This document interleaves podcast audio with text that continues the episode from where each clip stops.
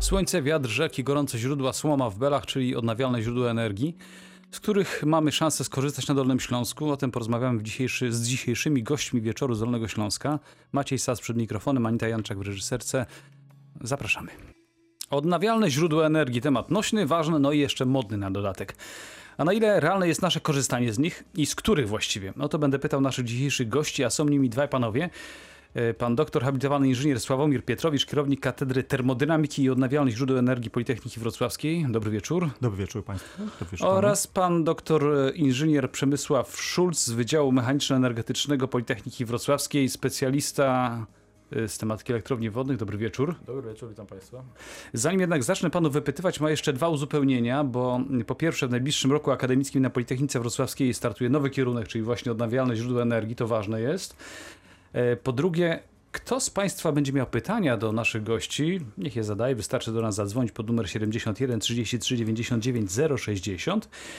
A ja na początek mm, muszę Panów zapytać o taką rzecz. Odnawialne źródła energii to konieczność, jak chcą jedni, e, moda i ściema, jak twierdzą inni, czy niewykorzystana możliwość, po którą moglibyśmy sięgać wszyscy, no i oszczędzać.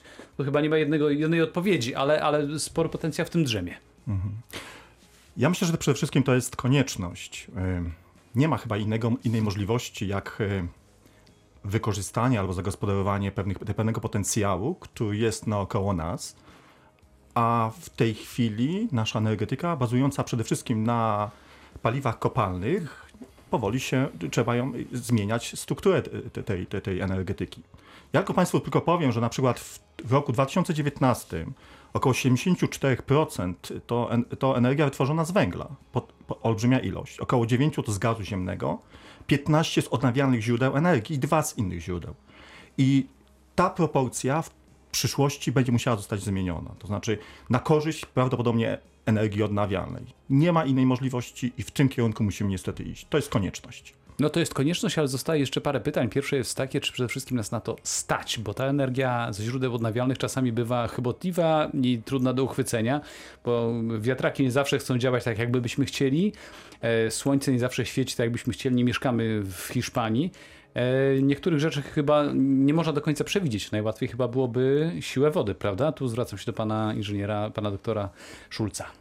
E, tak, oczywiście ma Pan stuprocentową rację. Spośród wszystkich źródeł odnawialnych, które powiedzmy technicznie są możliwe do, technicznie są możliwe do, do wykorzystania tak, energetycznego, woda jest najbardziej przewidywalna. To wiąże się oczywiście z kilkoma względami, bo już energetyka wodna, jak niektórzy twierdzą, to jest 4000 lat historii i przez te 4000, a nawet więcej nauczyliśmy się, tak? Nauczyliśmy się jak to robić, nauczyliśmy się przewidywać te rzeki. Rzeki oczywiście charakteryzują się okresowością, zmiennością, w zależności od typu, lokalizacji itd., tak itd. Tak Natomiast e, czas wykorzystania e, mocy, ten stopień wykorzystania mocy w ciągu roku jest bardzo duży. Tak? Potrafimy tak dobrać parametry elektrowni wodnej do danej lokalizacji, żeby ona była możliwie dobrze, długofalowo, długo, w długim okresie po prostu pracowała z maksymalną sprawnością czyli generując największy, największy przychód, największy zysk dla przedsiębiorcy, jednocześnie dla, dla nas odbiorcy czystą, żywą energię.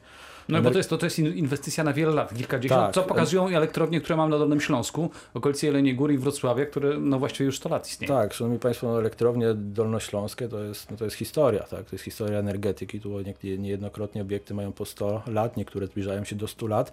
I ciekawostką jest, e, jest to, że są jeszcze oryginalne maszyny, które tam pracują. To jest żywe Muzeum Techniki, do którego można czasami nawet wejść i zobaczyć w czasie dni otwartych, jak to wszystko pracuje do tej pory.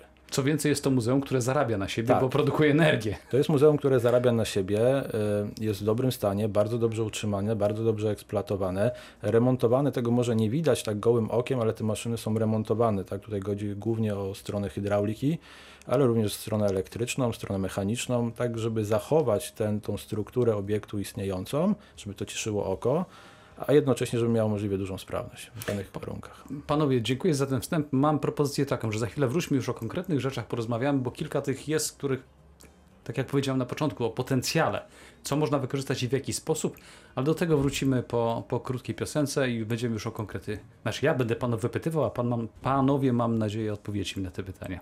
Do usłyszenia za moment. No trochę przysnęliśmy przy tej melodii, bardzo dobrze, ale tutaj mam mieć więcej energii, porozmawiamy o energii odnawialnej dokładnie rzecz biorąc. z naszymi gośćmi, y, z panem y, profesorem Sławomirem Pietrowicz, Piotrowicz, Pietrowiczem, przepraszam pana bardzo, Nic nie stało. i z panem doktorem Mieczysławem Szulcem. Przemysławem mylę się dzisiaj bardzo dużo, niedobrze. Tak czy inaczej, panowie, wspomnieliśmy przed chwileczką o tym, że mm, wiele źródeł energii odnawialnej jest dużej mierze nieprzewidywalnych, czyli nie wiemy, kiedy będzie wiało, tak żeby, żeby cały czas dostarczyć regularnie odpowiedniej porcji energii. Nie wiemy, jak będzie słońce świeciło. Czy to można jakoś zbilansować? Jak to zrobić? Wie pan, istnieje coś takiego pojęcia jak poligeneracja. To znaczy, nasz system energetyczny powinien opierać się przede wszystkim na, na wielu źródłach dostarczania tego energii, energii do systemu. Y, o, końcowym, końcowym mm, odbiorcą jesteśmy my, więc my musimy mieć zapewniony stały dostęp. Nas interesuje to, żeby była energia. Tak, nas interesuje to, żebyśmy mieli przede wszystkim tanie, ta, y, tanią energię. To jest chyba najważniejsza rzecz, którą, którą Tak, no bo jak cena jest istotna. płacić. Ta cena Tak, jest i- I istotna. elastyczną przede wszystkim. I elastyczną oraz przede wszystkim stałą. To żeby po prostu nie było czegoś takiego, jak to było w 2015 roku, kiedy mieliśmy tak zwany blockout i, i, w tym momencie było zagrożenie, że czegoś takiego, że nie będziemy mieli energii elektrycznej. Mhm. A to co, to, co mamy do wykorzystania, to musimy sobie powiedzieć prosto, mamy mm, pewien, pewien, pewien, pewien potencjał. To jest przede wszystkim słońce, wiatr, geotermia, biomasa oraz to, co powiedzieliśmy wcześniej, w czasie naszej rozmowy, to są, to są, to są to jest potencjał e, potencjalnych e, rzek i, czy kinetycznych rzek i, i, i no, głównie rzek e, na Dolnym Śląsku. Więc teraz musimy tak operować tymi, tymi, tymi źródłami, żebyśmy mieli bezpieczne niejako zapewnienie stałych dostaw energii do nas, do, nas, do końcowego odbiorcy. odbiorcy. Czyli bilans pewien trzeba Pewien sporządzić, tak? bilans, tak? To się nazywa, tak, bilans trzeba stworzyć, ten bilans musi być zapewniony i być w miarę bezpieczny. Więc to, co pan powiedział wcześniej, jeżeli będzie wiatr, to będziemy mieli energię z, z siłowni wiatrowych. Jeżeli będzie słońce, no to wtedy prawdopodobnie będziemy mieli dużo energii z, z, z, z, ogniw fotowoltaicznych, ewentualnie tak zwanych kolektorów słonecznych, bo to te pojęcia też nie należy mylić.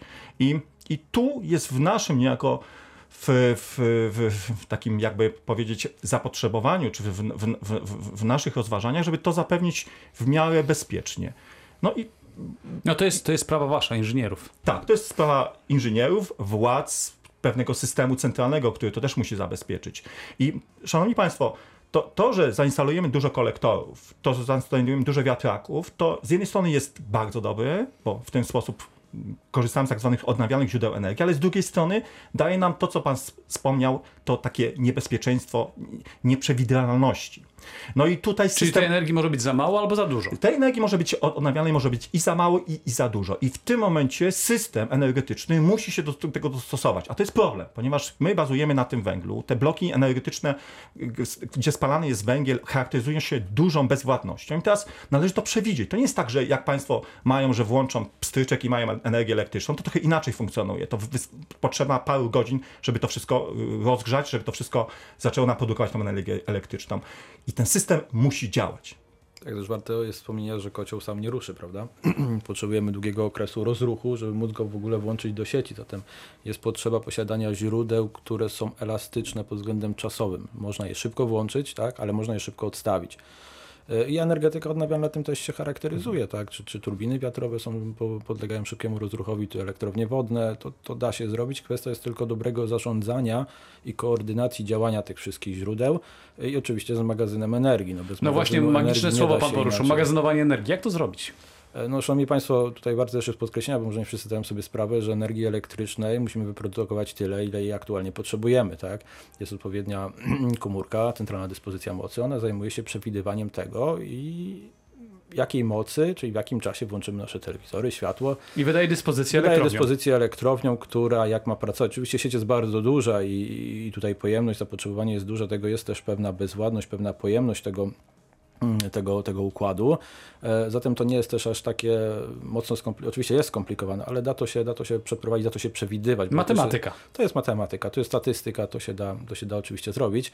E, Natomiast ten magazyn energii jest szalenie istotny z punktu widzenia właśnie energetyki odnawialnej, bo jeżeli mówimy o energetyce konwencjonalnej, tej czarnej energetyce, która u nas w kraju dominuje, pewnie jeszcze troszkę czasu dominować będzie, e, no to tam jesteśmy w stanie w jakiś sposób to regulować, już przewidywać. Natomiast OZE włącza się poza elektrowniami chyba wodnymi i geotermią będzie się włączało będzie się włączało dość okresowo, tak? Ich praca będzie, będzie podlegała zjawiskom natury, które definiują pracę tych maszyn e, i urządzeń, zatem musimy mieć magazyn energii. No i tutaj pojawia się kwestia... Problem zdaje się, prawda? Problem i, i można go na kilka sposobów rozwiązać. U nas w kraju magazynami są elektrownie, tak naprawdę potencjał wody, czyli elektrownie szczytowo-pompowe.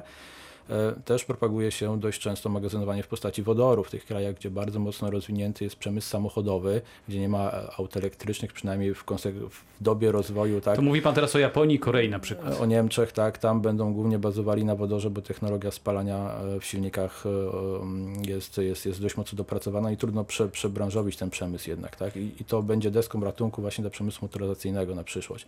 Ale też litowo-jonowe, każdy ma telefon, to jest magazyn energii, no i w tym też można Ale próbować. to jest dość maluśki, wie pana, po to, żeby zaspokoić chociażby Tak. potrzeby Wrocławia, no trzeba Zgadza mieć się. bardzo duży Jest akumulator. jedna elektrownia wodna na Dolnym Śląsku, która ma taki akumulator e, 2 MW, o ile dobrze pamiętam, właśnie litowo-jonowy zainstalowany na próbach jest to, także to jest dosyć ciekawe. Koszt ciekawe. jest horrendalny. Koszt jest bardzo duży, ale jak ze wszystkim nowa technologia kosztuje, w długofalowym okresie na pewno będzie tanieć. Będzie tanieć, ale też ym, już potaniały pewne źródła energii, o których jeszcze niedawno mówiły się, że tylko są dla bogatych. Była to fanaberia. I chciałbym za chwileczkę do tej sprawy wrócić. Na razie posłuchamy to to. Radio Wrocław. Radio z Dolnego Śląska. Odnawialne źródła energii, o tym rozmawiamy dzisiaj w wieczorze z Dolnego Śląska. Jak ustaliliśmy, takim najbardziej przewidywalnym i chyba największy potencjał dającym jest y, energia rzek. I tutaj y, pytań do pana doktora Przemysława Szulca. Jaki właściwie mamy potencjał? Bo to od lat nie było badane bardzo dokładnie, natomiast chyba w mikrym stopniu wykorzystujemy ten potencjał dolnośląskich rzek. E, No tak, oczywiście. To, czy z tym potencjałem to bym troszkę uważał, bo, bo tutaj ona może nie ma największego potencjału, energetyka wodna. e, No chodzi mi o wykorzystanie tego, O co mamy. wykorzystanie, tak. Jeżeli mówiąc o wykorzystaniu, może bardziej w skali ogólnopolskiej, bo do Dolnego Śląska akurat e, nie mam jakichś takich precyzyjnych danych przygotowanych, ale szacuje się, że mniej więcej to jest na poziomie 25 mm, terawatogodzin, ta taka dostępna, nie mówię o energii, energii kinetycznej rzek, tak, tylko ta energia bezpośrednio wynikająca z klasycznych rozwiązań elektrowni wodnych, to jest to, co możemy. 50% jest około technicznie uzasadnione, także to inwestycyjnie by się opłaciło, te elektrownie by się zwróciły. E, Czyli wychodzi około 12, tak, e, 12 mm, terawatogodzin. E, Przy czym na dzień dzisiejszy mamy w zależności od statystyki, tak, bo te elektrownie e, czasami się likwiduje, czasami się buduje nowe, to jest na poziomie od 16, niektórzy mówią nawet 12 do gdzieś około 20% wykorzystania. Bardzo niewiele w sumie. Jest bardzo niewiele mm, tego wykorzystanego. Też warto podkreślić, że zasoby wodne w Polsce są bardzo ubogie i o tym się chyba bardzo mało mówi. I ja podejrzewam, że w przyszłości to odczujemy dość drastycznie w naszych portfelach, bo woda po prostu będzie drożeć. Polska ma porównywalny zasób jak kraje arabskie. Egipt jest świetnym przykładem, bo zasoby wodne są bardzo zbliżone. Tylko, że kraje arabskie mają więcej ropy naftowej zwykle. Tak, tak. No i tutaj wchodzimy w inną tematykę. Natomiast, natomiast wo- woda, woda w Polsce będzie problemem. Za parę lat podejrzewam, że będzie problem, szczególnie każdy z Państwa na pewno zaobserwował zmiany klimatyczne, które nas bezpośrednio też i dotykają i tej wody jest po prostu coraz mniej. Tak? Jest po prostu jej bardzo mało, też elektrownie wodne to odczuwają, są susze dość poważne. E, Jeżeli mówiliśmy o takiej suszy mm, klasycznej, czyli w okolicach miesięcy letnich, tak, to teraz zima też praktycznie elektrownie nie pracują, stoją. E, Ale wspomnieliśmy też o tym, że pojawiają się coraz częściej, mówi się o tym, że taką szansą jest e, fotowoltaika. Powstaje zresztą dużo farm fotowo- fotowoltaicznych na Dolnym Śląsku, nawet w ostatnich miesiącach. No i teraz zostaje pytanie, czy rzeczywiście mamy taki potencjał, czyli czy słońce świeci u nas tak, mówiąc trywialnie, że jesteśmy w stanie to wykorzystać, panie profesorze? Y, Fotowoltaika, to chyba jesteśmy tak chyba zdani w tym momencie na tą foto, na fotowoltaikę. Bo na pewno ona taniej, to jest dobra wiadomość. To jest dobra wiadomość, tak. Ta technologia jest coraz bardziej powszechna, jest coraz bardziej dostępna. To jest koszt naprawdę zaczyna być coraz bardziej konkurencyjna. Oczywiście ona będzie droga. W pewnym sensie, ponieważ trzeba wziąć też pod uwagę nie tylko produkcję, ale także utylizację tych, tych ogniw fotowoltaicznych, co jest problemem generalnie. Czy już nie robić tak ekologicznie, jak było do tej pory? E, Nie, po prostu zaczyna się myśleć coraz bardziej kompleksowo. Tak bym na to spojrzał, w ten oto sposób. Czyli jest i produkcja, i co będzie później. Też należy podkreślić fakt, że te produkty są coraz lepsze. To znaczy ta sprawność, która kiedyś była na poziomie 7-8%, teraz jest na poziomie 20-26%.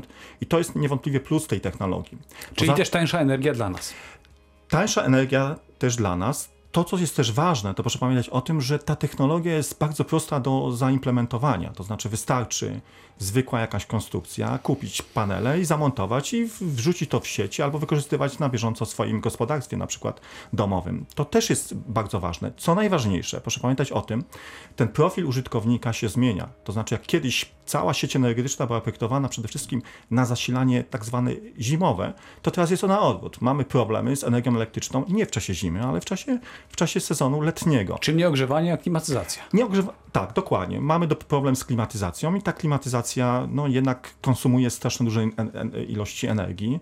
Y, To było, tak jak powiedziałem, w sierpniu 2015 roku, kiedy zaczęła się ta fala upałów i należało to jakoś zabezpieczyć. A mamy pecha, dlatego że energetyka wodna korzysta przede wszystkim z, z, z, z, potencjału, też musi być chłodzony prze- poprzez, poprzez rzeki czy, czy różne zbiorniki wodne. Wtedy jest i mał, niski poziom wody, więc nie może działać na 100% taka, taka elektrownia, więc nie może dostarczyć automatycznie e, całego potencjału energetycznego, który mógłby produkować w tym czasie.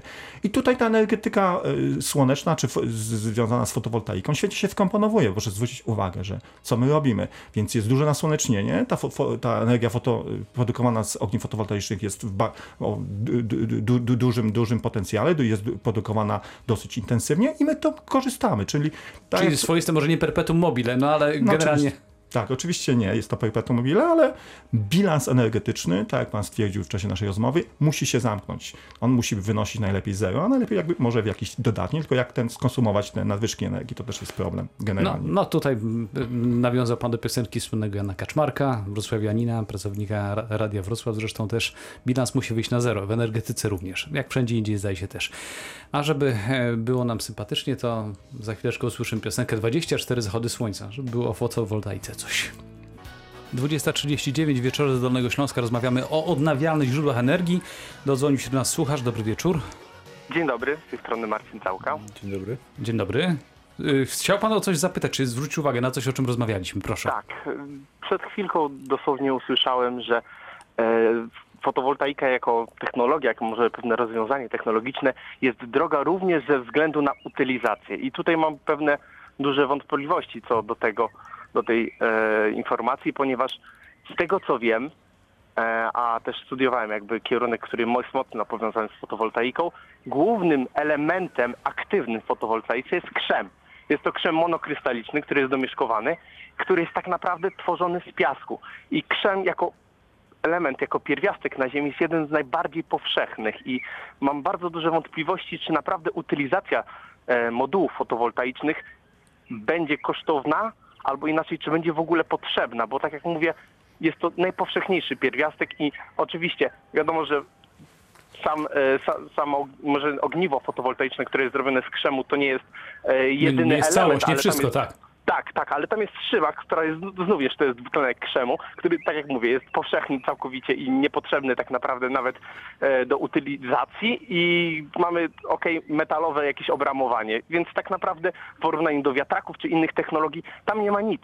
Tam nie ma nic, a ponadto jeszcze z doświadczenia wiem, że moduły fotowoltaiczne działają spokojnie 20 lat, a czy więcej tego nie wiem, bo tak naprawdę z doświadczenia też y, brak nam po prostu modułów, które, które po prostu są dłużej popularne jakby na rynku. No bo nie? dość, to dość nowa technologia, To zdaje się. jest dość nowa technologia, ale tam nie ma naprawdę co się zepsuć, bo to jest monokryształ krzemu, który jest notabene stosowany we wszystkich komputerach. To jest też podstawa pod chipy komputerowe. Więc, więc z mojej, z mojej wiedzy naprawdę, jeśli chodzi o kwestię utylizacji czy zmęczenia materiału, to tutaj jesteśmy całkowicie bezpieczni i chciałbym tutaj o komentarz eksperta w tej kwestii. Bardzo panu dziękuję. E, Tutaj panowie, któ- który z panów Może, może ja odpowiem. Dziękuję panu za tą uwagę. To jest, zgadzam się oczywiście, że to jest technologia krzemowa i jednak nasza planeta składa się no, w większości przypadków z krzemu. Natomiast wie pan, my tu mówimy o pewnym procesie, to znaczy przede wszystkim musimy to wytworzyć, natomiast później natomiast użytkujemy i jednak ta sprawność spada tego, tego urządzenia. Natomiast to, co jest ważne, to późniejszym czasie, gdy będziemy wymieniać to, to proszę pamiętać o tym, że to nie jest tak prosto wyrzucić wszystko do, na jakiś skład i, i tak musi zostać. Musimy pomyśleć o tym, jak to można wykorzystać. I w tym momencie my liczymy tu mm, w ten sposób, że y, no, jest problem potem, jak to można będzie ponownie odtworzyć. Pewnie jest możliwość, ja nie jestem aż tak obeznany, ale wiem, że ten problem się pojawił na jednej z dyskusji na konferencji, co zrobić później z tymi ogniwami fotowoltaicznymi, które są już nie, nierentowne, nie, nie są możliwe do wykorzystania. Zresztą to chyba jest w ogóle problem wielu, wielu nowych technologii, że do końca nie wiemy, w jaki sposób będziemy mogli je potem wykorzystać. Parę dni temu czytałem informację o tym, jak to na wielką skalę w Stanach Zjednoczonych są utylizowane y, y, łopaty wiatraków y, z elektrowni wiatrowych. Po prostu zakopuje się je w ziemi gdzieś na pustyni na wielką skalę, no i trudno nazwać to ekologiczną technologią w tym przypadku, prawda? To, to prawda, natomiast mm, to jest rzecz, która musi być wzi- wzięta też pod uwagę w czasie analiz tych naszych y, odnawialnych źródeł energii. No i tutaj ta, e- ewidentnie ta fotowoltaika wkomponowuje się w to. Natomiast jest wiele innych też technologii wykorzystania energii słonecznej, między innymi jak, jak e, panele słoneczne, gdzie tam jest troszeczkę inaczej, inaczej to wygląda. Tam wykorzystujemy przede wszystkim, produkujemy ciepło, a nie energię elektryczną, którą potem możemy przesyłać do sieci i wykorzystywać w miarę, bez, w miarę, w, w, w miarę bezpiecznie, czy, czy, Czyli prostsza technologia i też bardziej dostępna. tak, bardziej dostępna. Ona jest bardziej zaawansowana, by można było powiedzieć, ponieważ to jest budowa całej instalacji. Tam musi być też pompy, muszą być y, zainstalowane systemy ciecz, która będzie to przenosić i bę- będziemy zagospodarować. Bardziej to ma sens lokalny niż taki globalny. Natomiast to też jest możliwe i to się wykorzystuje. I ta technologia też nie jest taka znowu droga, czy, czy porównywalna do, do, do ogniw fotowoltaicznych. O jeszcze jedną technologię chciałbym panów zapytać, bo bardzo dużo mówi się w przypadku całej Polski właściwie o geotermii.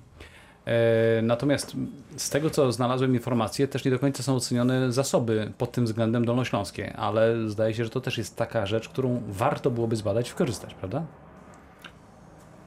E, Prawda, Y- oczywiście. Tutaj geotermia jest... Pan doktor Przemysław Szulc. Tak jest. E, Jest nieocenionym, bardzo mm, osobnym źródłem energii. Ja nie jestem specjalistą w dziedzinie geotermii, bo, bo tutaj wiele nie zdziałałem w tym temacie, ale e, przykład e, świetny jest e, naszego KGHM-u, tak? tego, tego lokalnego mm, wytwórcy miedzi. I tam bardzo często spotyka się z zagrożeniem temperaturowym, to szczególnie na zakładach górniczych Rudna w Polkowicach, gdzie na 1200 stopni Metrów. i- e, przepraszam, metrów, tak, temperatura górotworu to jest 50 stopni Celsjusza i tam są potężne problemy związane z klimatyzacją, zapewnieniem odpowiednich warunków klimatycznych dla górników. To po prostu się chłodzi powietrze, żeby można było pracować. Także ten stopień geotermalny jest tutaj dość, dość duży, jeżeli chodzi o tamten region. No i podejrzewam, że te zasoby też byłyby dość, mm, dość, dość pokaźne. No, problem jest oczywiście z przetworzeniem tej energii, tak? no bo ona w procesie e, odzyskiwania na pewno troszkę, e, troszkę straci swojej swojej, na, swojej energetyczności. E, Też instalacje są dość skomplikowane, bo to się robi na specjalnych układach realizujących obiekt rozwoju ręki na czynnikach niskowrzących. Tam są problemy techniczne, to też przez Instytut, e, przez Pan w Gdańsku kiedyś było opracowywane koncepcje właśnie zagospodarowania to jest instalacją pilotażową, także w Polsce są już jakieś doświadczenia i to ta geotermia też będzie... Ale Islandią nie jesteśmy Nie jesteśmy Islandią, nie jesteśmy Islandią. Ale potencjał jest. Jest to duże pytanie, czy to jest źródło odnawialne, bo to, to jest zawsze każdy. Dlaczego pan o tym mówi? Proszę powiedzieć. No bo teoretycznie w moim odczuciu to nie jest źródło odnawialne, a to jest temat do polemiki akademickiej, bo to jest ilu, ilu się spotka, tyle jest stwierdzeń i, i każdy ma tak naprawdę prawdę e, w, ty, w tym temacie.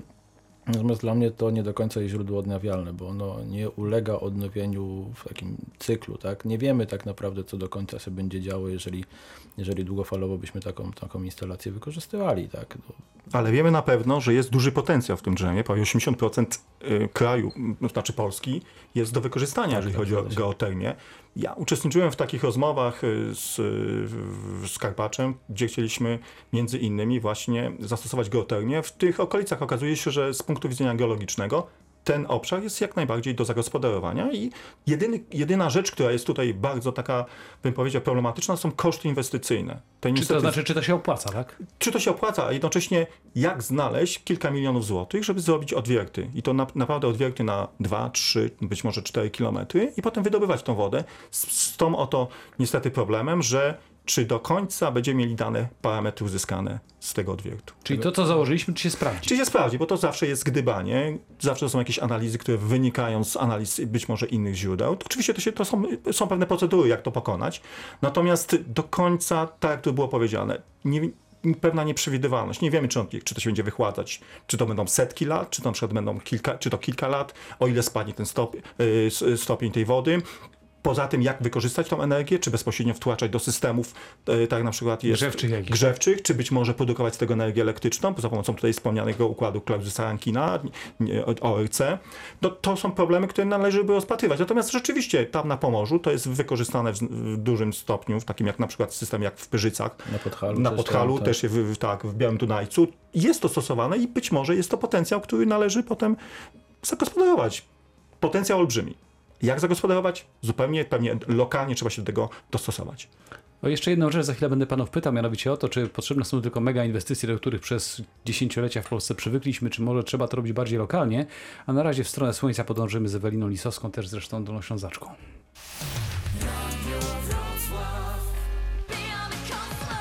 No podbijamy kosmos pod warunkiem, że mamy tyle energii, żeby rakiety tam wysłać, czy jakiś inny pojazd.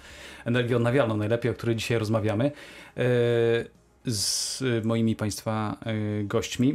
Panowie, dwie rzeczy jeszcze mnie interesują. Panowie powiedzieliście o tym, że tak naprawdę jesteśmy skazani na odejście od energii związanej z węglem, czy to brunatnym, czy kamiennym. Zasoby jednego i drugiego mamy na Dolnym Śląsku, czy naprawdę nie można ich inaczej wykorzystać? No skoro mamy tę energię ukrytą w ziemi, może dobrze byłoby w mniej, w mniej dokuczliwy sposób dla otoczenia to wykorzystać. Wiem, że nie jesteście specjalistami w tej dziedzinie, no ale y, wiedzę jakąś macie. Nie ma takich technologii dzisiaj? Na dzień dzisiejszy ja osobiście nie znam takiej technologii. Oczywiście są technologie na przykład, że można to w jakiejś innej formie dostarczać, zamiast wydobywać to w formie ciała stałego, na przykład zgazować pod ziemią i potem ten gaz wykorzystywać i spalać. Być może to jest tak, taka technologia. Natomiast y, tak naprawdę ona jest, y, by- byśmy powiedzieli wprost, no jest w pewnym sensie no nie chcę używać tego słowa, ale muszę użyć, użyć w sensie prymitywna, bo co robimy? Tak naprawdę spalamy to. Pod E, ziemią, e, tak? e, Znaczy, no nie, znaczy mówię teraz ogólnie, co się dzieje teraz, czyli w kotłach, produkujemy z tego energię cieplną. Pytanie jest takie, czy nie potrafilibyśmy inaczej tą, tą energię cieplną mm, produkować. Ja jestem za tym, żeby w przyszłości była tak zwana reakcja te- termojądrowa, kontrolowana, to co się robi w Cadarache we Francji, to co robią teraz, y, pod, idą pod potężne inwestycje, bezpieczna, moim zdaniem może w przyszłości bardzo tania, za pomocą tylko wystarczy wodór do tego, połączyć do tego i hel powstaje jak, jako, jako konsekwencja tych dwóch, mm, tego procesu. No to jest na pewno przyszłość. Proszę pamiętać o tym, że cywilizacja jest po to, bez energii nie będzie istnieć. Proszę sobie wyo- wyobrazić teraz nasz, nasz, nasz, nasz kraj, czy, czy na, nasze życie bez lodówki, bez telewizora, bez internetu, bez komunikacji, to praktycznie w ciągu kilku tygodni no, mielibyśmy olbrzymi problem. Mieliśmy przesmak parę, miesięcy, Tak. parę, parę tygodni temu. Tak. Co pan ma na myśli? No, jeżeli chodzi o koronawirusa, jak, jak się zachowywała gospodarka, jak zapotrzebowanie na energię spadało i to, to widać, prawda? Że, że tutaj z energią jest, jest dużo gorzej. Energia, energia, tak jak jeden z profesorów kiedyś powiedział, to jest władza i to też widzimy, co się dzieje na rynku politycznym. Kto ma energię, ma władzę i, i walka o energię jest cały czas widoczna, może nie bezpośrednio, ale jest widoczna.